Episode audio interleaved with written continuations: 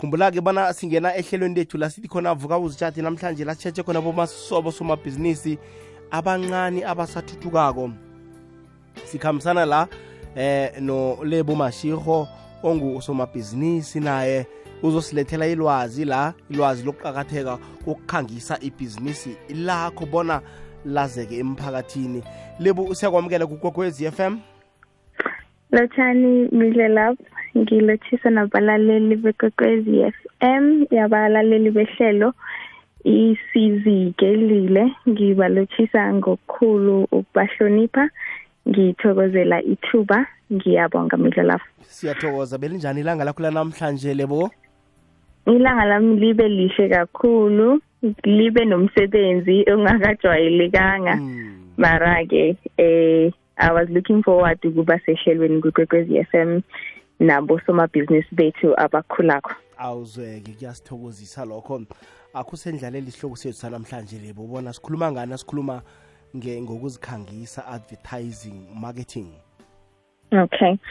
Um namhlanje kuhloko sethu sikhulumise indaba noma sifuna ukuveza indaba yokuthi advertising to grow your business. Lana sizokhuluma eh ngoku-advertise ukuthi kusho ukuthini kuyini kusomabhizinisi omncane ukubaluleka kwakho nokuthi kuzokwenzelana ebhizinisini ukuze kuthi ube libhizinisi elizokhula.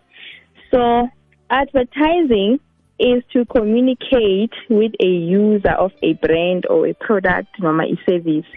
Kuligadango lokukhulumisana nabasebenzisi noma umsebenzisi womkhiqizo noma ibrand ethizeni. Kubalekile ke ukuthi njengabo somabhizinisi sinemikhiqizo noma ama ama brand noma ama services esiwathengisako sikwazi ukukhulumisana nabantu ababeregisa iproduct yethu noma umkhiqizo esinawo. Sikhulumisana nabasebenzisi bomkhiqizo wethu okuthi ngama customers wethu ngezindlela ezihlukahlukeneko esiziberegisako ezibizwa i-advertising wena midlo love. Kubalekile ke ekutheni njengabo somabhizinisi sizikhuthaze noma sizifundise kabanzi ngakho uku-advertiser. Nasisebhizinisini sinomkhiqizo noma si-owner i-brand noma kune-product esiyivezako kubalekile ukuthi sikwazi ukukhulumisana nabantu okungibo abasebenzisa i-brand yethu noma kungaba ngabantu abangaba basebenzisi bebrand yethu. Si-advertisela ama-objectives angu-3 noma si-advertisela izizathu ezingu-3 si-advertiser to inform ukwazisa abasebenzisi mhlambe bomkhiqizo sibuye si-advertise to persuade ukukhuthaza. Ngizame ukuthola igama mhlambe lesinto elingachaza to ukupersuade ngicabanga ukuthi igama eliseduze ukukhuthaza.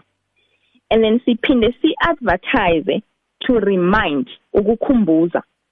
Ukuthi um umlaleli noma umsunguli noma a business owner uadvertisela ama objectives noma izizathu ezingu3 si-advertise ukwazisa abantu or ama ama webrand yethu. Uma une brand noma unomkhiqizo uvezako noma unebhizinisi elithize u-advertisela ukuthi abantu labo okungibo or okungaba ngibo abasebenzisi beservice oyithengisako bakwazi ukwazi ngawe. So uyaba informa u-advertise to persuade ukukhuthaza akhona ama-product noma ama-competitors or uku-competition mawusespacini sebhizinisi ucomputer for ama-clients ucomputer for ama-customers.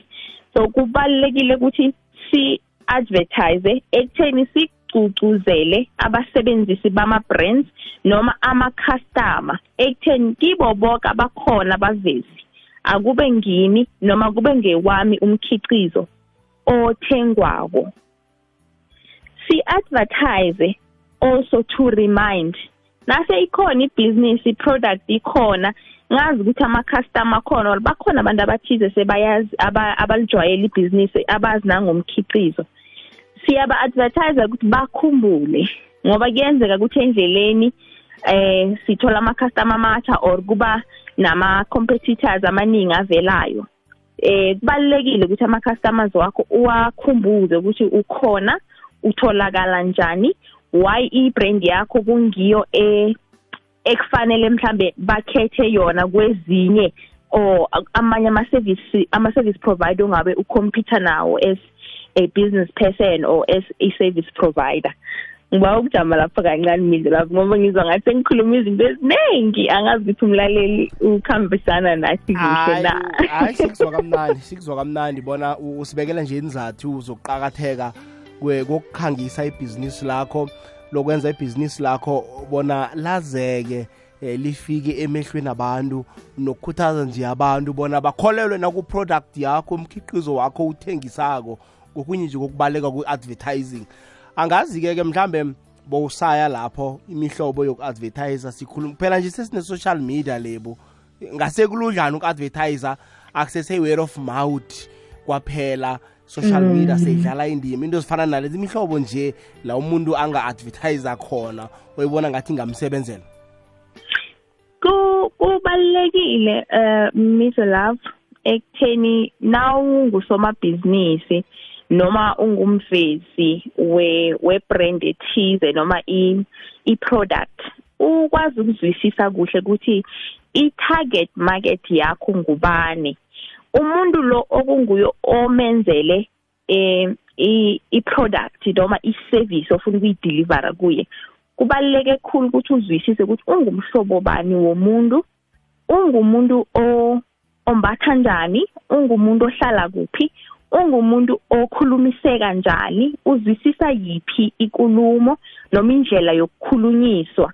Bese kuyoba kula njengomuntu osebhizinisini or umuntu osehwebeni one brand noma one product uyokwazi ukukhetha ukuthi elami ihlobo laba uh, lama users noma ama customers wami or abasekeli be product noma umkhiqizo wami badinga ukuthi ngiba advertisele ngendlela enjani?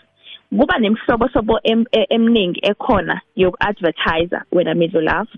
Eh singayibala imhlobo efana ne display advertising. Lapha nasikhuluma nge display advertising kula siyosebenzisa izinto ezifana nabo banner or ama ama billboards lawo siwabeka ngesendleleni ezikulu eh kubo ma highway nakwezinye indlela la sazi khona ukuthi kuba ne traffic i display uh, advertising kuba ngumhlobo onjalo. Kuba sithombe esikhona esijamile eh uh, the people aba abasebenzisa ispace leso bakwazi ukuinteracta naso noma bakwazi ukuinteracta nomhlobo onjalo we-advertising. And then sibe nezindlela ezibizwa ukuthi your video advertising of which is very popular eh, emalangeni sesiphila kiwo. Abantu ba-advertise ngokuthi bahlanganise ama-video bese ihlobo lelo le le advertising libizwa your digital marketing noma li feeder into what we call digital marketing. La siqala khona ukuthi ubuningi babantu baberegisa eh abo babizwane ama ama smartphones eh si si advertise kanjani ukufinyelela abantu mhlawumbe abangasisendleleni abangekho ngenkoloyini ba traveler mara baphethe ama ama phones angama smartphones. You put together videos and you you then feed into ama platforms aba abathanda mhlawumbe ukuspend isikhathi kiwo then into le contributor to your digital marketing or digital advertising. Eh kuba nabo mobile advertising la uthola khona yona indaba yama yama apps or indaba yokusebenzisa um ama phones your social media ama devices lawa esiwaphethe vele wona lawa abizwa you smartphones where kunabantu ababeregisa iplatform leyo ukuthi you know noma kungasi ngumhlobo kwabantu abazofunda amaphepha noma bafunda ama magazines noma eh abasebenzisa your traditional marketing bayasazi ukuthi eh silihlobo labantu esi spend isikhathi kuma phones wethu wena nizo love. Abo abo platforms abafana nabo nabo Facebook mhlawumbe abafana nabo abo abo WhatsApp namanye ama ama apps akhona.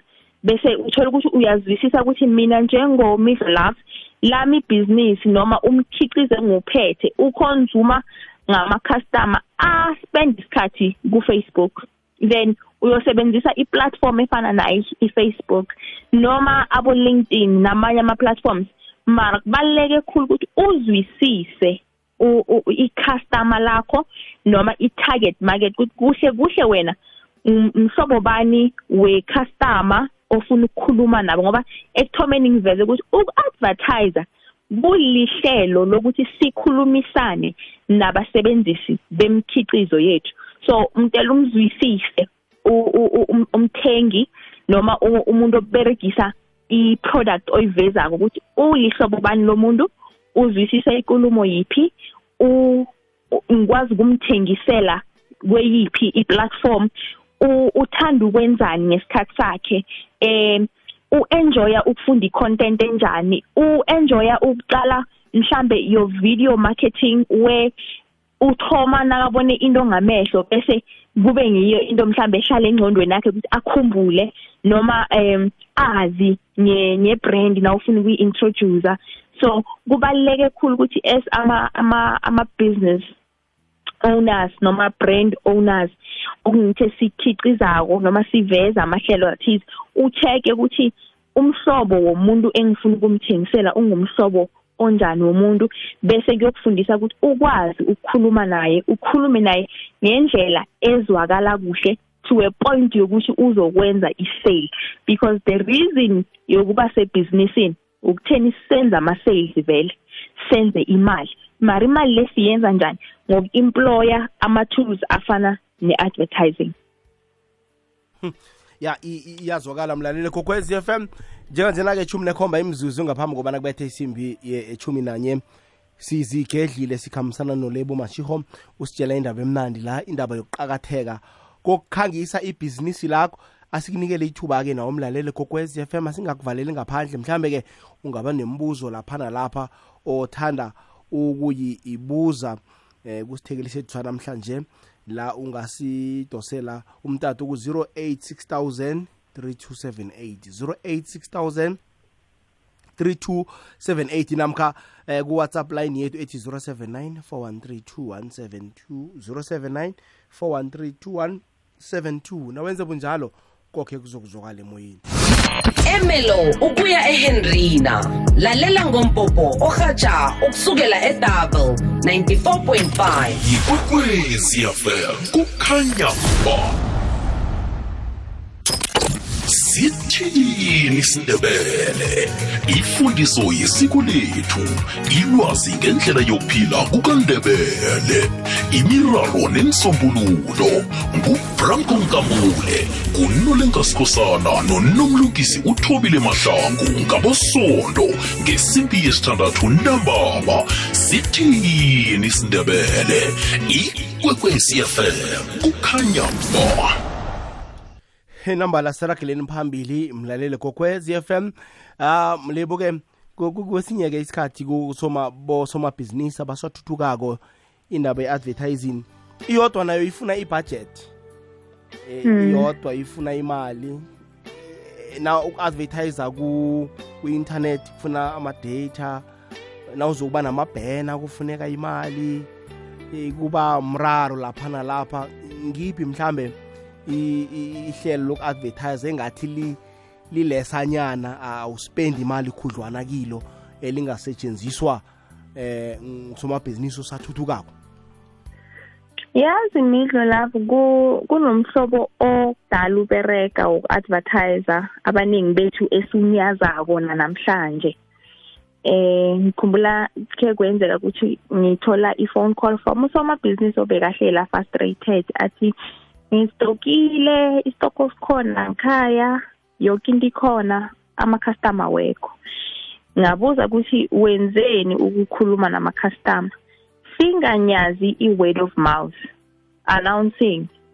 Kwesinye isikhathi kuthatha ukuthi siphume la sikhona emabhizinisini wethu sistepe outside because now uhleli ngebhizinisini lakho mhlawumbe ungaphumi ku-interacta nabantu kuba nezinto eziningi ongazazi. Awazi ukuthi kunehlobo elithi or ihlobo elinjani labantu mhlambe that are around you.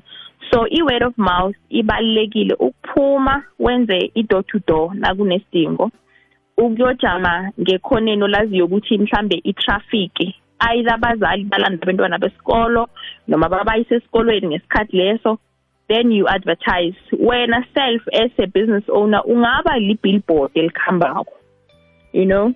Indlela zoku-advertise ziningi and vamse ngithi mina kwesinye isikhathi ngoba singabosomabhizinisi siyakhona uku-investa kuma-brand wabanye abantu noma emagameni ngithini ezambathweni ezinamagama azakalako na ungajika waberegisa yakho i-brand wambathi i-brand yakho kwazakala ukuthi ulebu nakafikile uli-brand ethize.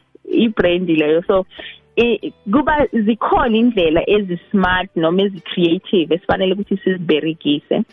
Eh i-social media nayo ngenye yehlelo eli elingabizi khulu uku-advertise mhlambe ingathoma ikudurele lapha nase kunehlelo elithize or abantu abathize ofuna ukuba richer la bangakubawa khona ukuthi u-advertise kuma-sponsored ads. But generally na uyotlola ku-timeline.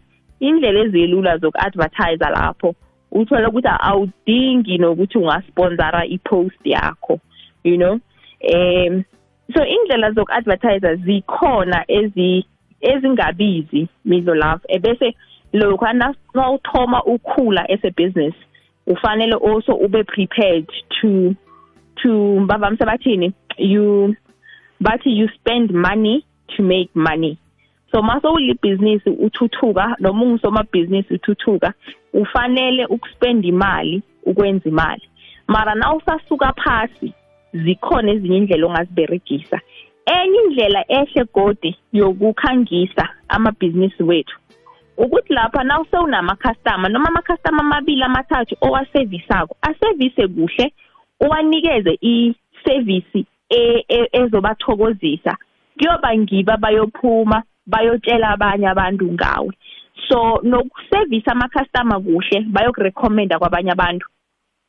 Kuyindlela yoku-advertise ibhizinisi kubaluleke khulu ukuthi nasidila nama-customers wona amancanyana lawo esinawo siwahloniphe siwaphathe kuhle ngoba kuyoba ngiwa yophuma ayositholela amanye ama-customer midlo lapho so ziningi khulu indlela zoku-advertise ezingabizi esingathoma kizo njengabosomabhizinisi abasathuthukako uyabona lena-ke ye-reference bengisafuna ukungena kiyo bona ibaluleke khulu. Abantu bekhethu eh banokuphatha abantu kumbi baphatha abantu mahwahwa alibali ukuthi na uphethe icustomer lakho kumbi liyokukhuluma phambili ngendlela ophatha ngayo ama-customer kumbi. Abantu angekhe baseza kuwe.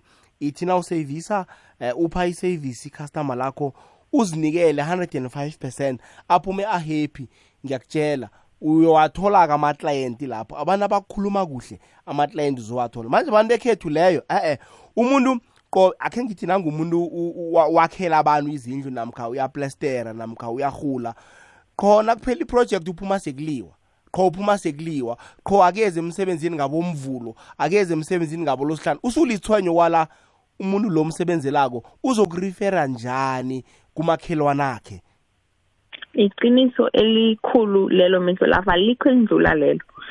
And ngihlala ngistressa nento yokuthi kuyenzeka ukuthi emabhizinisini wethu angithi akusithi sonke esibereka ebhizinisini lethu. Kuyenzeka ukuthi abanye bethu we are working on the business. Sinabantu abasihelebhayo ukusiranela amabhizinisi. Kufanele ukuthi sibafundise sibakhuthaze ekutheni bahelebhe kuhle ama-customers wethu. So that ama-customers wethu kuyoba ngiwa phuma kwasikhulume kuhle ngaphandle. Bese siba nento esiyibizwa ukuthi your returning customers ibhizinisi elinye nelinye lidinga ekutheni libe na-a-returning customer. Abantu senza iphutha elikhulu ucabanga ukuthi ukuthoma ibhizinisi ukwakha i-product noma ukuyostoka. Kanti intele uqale qanzi ukuthi imarket ikhona na? Imarket si sithoma sakhe yona ngaphambi kokuthi kube nebusiness. Alikho ibusiness elikhambako linganayo imarket. Imarket iyokwenzwa ngithi ngokuthi si-advertise njani ibhizinisi lethu silithengisa njani ibhizinisi lethu. So ibhizinisi sizolithengisa ngendlela zonke lezi esikhulume ngazo sizivezile namhlanje. Mara nokuphatha kuhle ama-customer kula siyithoma khona and leyo ayifuni nokuthi sispend imali. Zonke lezi ezinye zingafuna ukuthi kube nemadlana ethize yokuthenga amadatha nokunye. Mara ukuphatha kuhle ama-customer ngoba cala midlo lapho sine competition sisebhizinisini. Into evezwa ngimi noma ethengiswa ngimi kungenzeka ukuthi emphakathini engingakiwo akusingimi ngedwa othengisa that product. Mara yini le eyenza ukuthi abantu bachubeke bafuna ukubuya babereka nami. Kungenzeka ukuthi yipatho. Ngaphezu kwepatho i-product engiyithengisayo noma i-service abantu bayayijabulela bayayithokozela. Imitha i-standard imitha ine-quality ngoba abantu abangisakhethe mina kunabo bonke abantu bakhipha imali abo and basuka la basuka khona ngoku yini? Ngokuthi ba-persuaded. Ngithe mina si-advertiser to inform ukupersuada nokukhumbuza. So abantu laba basuka la basuka khona badrive abanye babuya la babuya khona because ba-persuaded either i-product engibanikeza yona iyi-quality indlela engi-interacta nabo iyabonakala noma iyathandeka bese godi nangendlela ngiveza ibhizinisi lami ngakhona kuyindlela ekwazi ukubafinyelela noma ibathole labakhona bazwisise. Bese bathi nasebangama-supporters webhizinisi baphinde bafune ukubuya so kubalulekile ukuthi njengabosomabhizinisi abasasuka phasi si i-foundation ethi ibalulekile Middle Love and sifunde ukusevisa ama-customer ngendlela ekungiyo so that abantu bazophinde babuye. Singalili sithi ibhizinisi alikho. Kwesinye isikhathi ibhizinisi likhona mara mhlambe thina asikakazifundisi indlela yokuphatha ama-customer asiphikisani ne-customer bathi ku-business language the customer is always right. Nanoma ucustomer a-wrong but because ungumuntu oza aspende imali ebhizinisini lakho ungafuni ukuba the person oyowina la kune argument icustomer alizizwe libalekile lihloniphekile and eh sisabana nalo. Ya iyazwakala wayibeke yazwakala lebo. Hayi imlaleli kokwezi FM 079 4132172 079 4132172 iwhatsapp voice note yethu naku 086000 3278 line lethu lemoyeni 086000 3278 okhunye-ke lebu eh i-pricing ubeka intengo nakho lokho kunemthelela eh bona abantu bakubalekele. Ungathini ngokubeka intengo yemkhiqizo wakho owuthengisako? Eh namhlanje ngike ngathatha i-task ngavakatshela intondwane ezimbalwa ezi engizithatha njengama competition bami nami.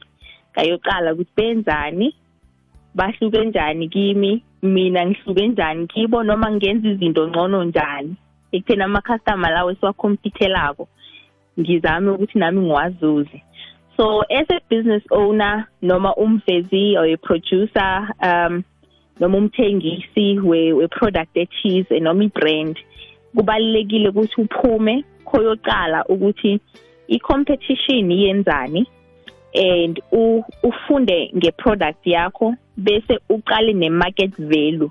Ukuthi i-generally i-market value ye-product oyithambisakho iyini? Bese lokho na uyobeka i-price na uzwisisa godi i-customer lakho umhlobo we-customer lakho ukuthi ufunani eh u-willing also ukuphatha ngithini how much are they willing to part ways with ukuthola i-product yakho?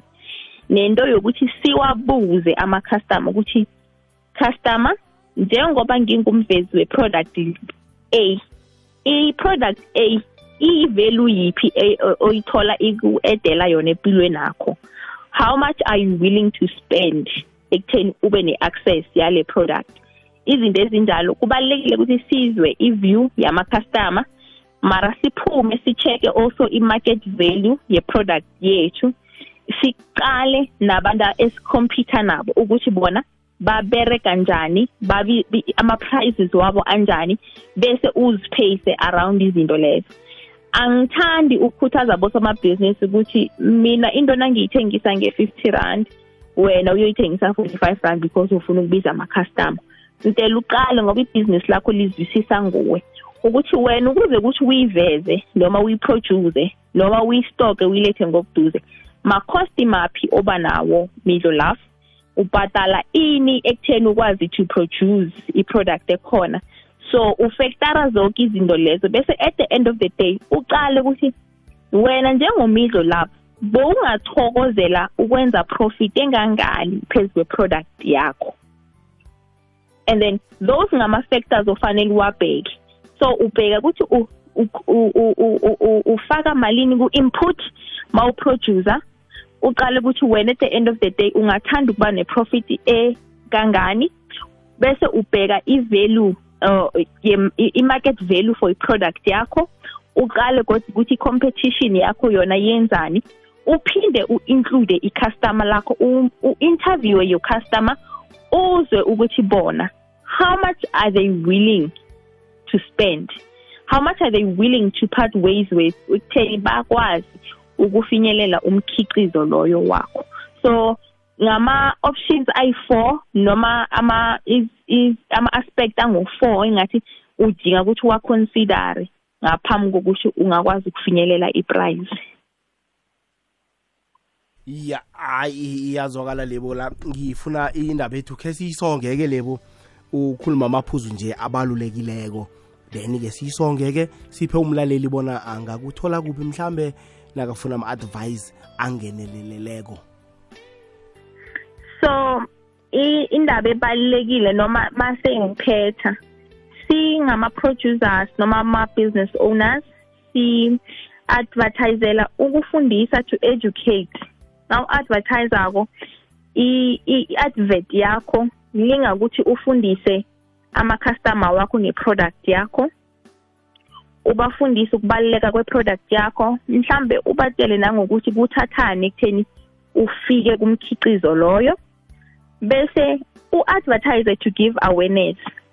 Umuntu obekangazi nge-product yakho yenza isiqiniseko sokuthi mhla u-advertisile bayoba ne-awareness bayoba aware ukuthi ikhona i-product efana nale etholakalako ngemaketheni itholakala endaweni ethize njalo njalo. Bese also si-advertiser ukulontsha noma uku-announcer ama-product amatsha. Kungenzeka ukuthi eh njengolebu or siyibhizinisi kune-product ethize umkhicizo esaziwa ngawo. Mara kungaba nokhunye esikwenzako noma esiku-edayo phezu kwama-product esaziwa ngawo. So we advertise also noku-announcer ama-products amatsha mhlambe esingawa-eda ukucomplimenta vele ama-businesses wethu.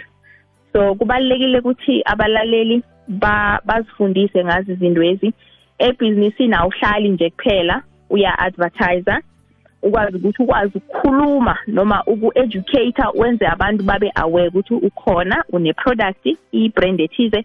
Ukubaluleka kwayo nempilo zabo zizothintsha njani noma zizokwenzeka njani ngcono ngokuberegisa kwe-product yakho. Bese-ke ey'nkundleni zokuthintana ngingulebu mashihu ku-facebook. Balaleli bangangithola ngiyatholakala khona laphani ku-facebook. Bese eh ku-twitter ngingu-at i am lebo underscore i am lebo underscore. Ulebu lo wami ngu-l e b o. Ku-linkedin ngitholakala ku-lebogang mashiho. Ulebogang ka-g umashiho wami ngu-m a s h i g o. Ulebogang mashiho ku-linkedin ngicabanga ukuthi yizo lezo nje iy'nkundla zokuthintana engitholakala kizo. Ngiyathokoza midlelav eh ngithokoza nakubalaleli bekwekwezi FM ngifisela abalaleli inhlanhla ingathi singakhulu emabhizinisini wethu bese senza umahluko sidale namathuba wombereko lebo sithokozile kuba nawe namhlanje ngokusabela nje ngelwazi lakho namhlanje. Sithokoza kuzala izandla zombili. Umlaleli uza kuthinta-ke enkundleni zokuthindana akhone ukwazi um ngokuthize eh mhlambe esingakakukhulumi la nakusasa kodwa kuseselanga siyathokoza lebo ngiyabonga bhuti. Siyathokoza bengulebo mashiho ongusomabhizinisi sikhulumisa ngendaba eqakathekileko kwi-advertising ungayi- ungayiqaleli phasi indaba ye-advertising umlaleli f m. Ibaluleke kulu ngenye indlela. Kufanele uyithande ibe phezulu ehelweni lakho lezinto ebhizinisini.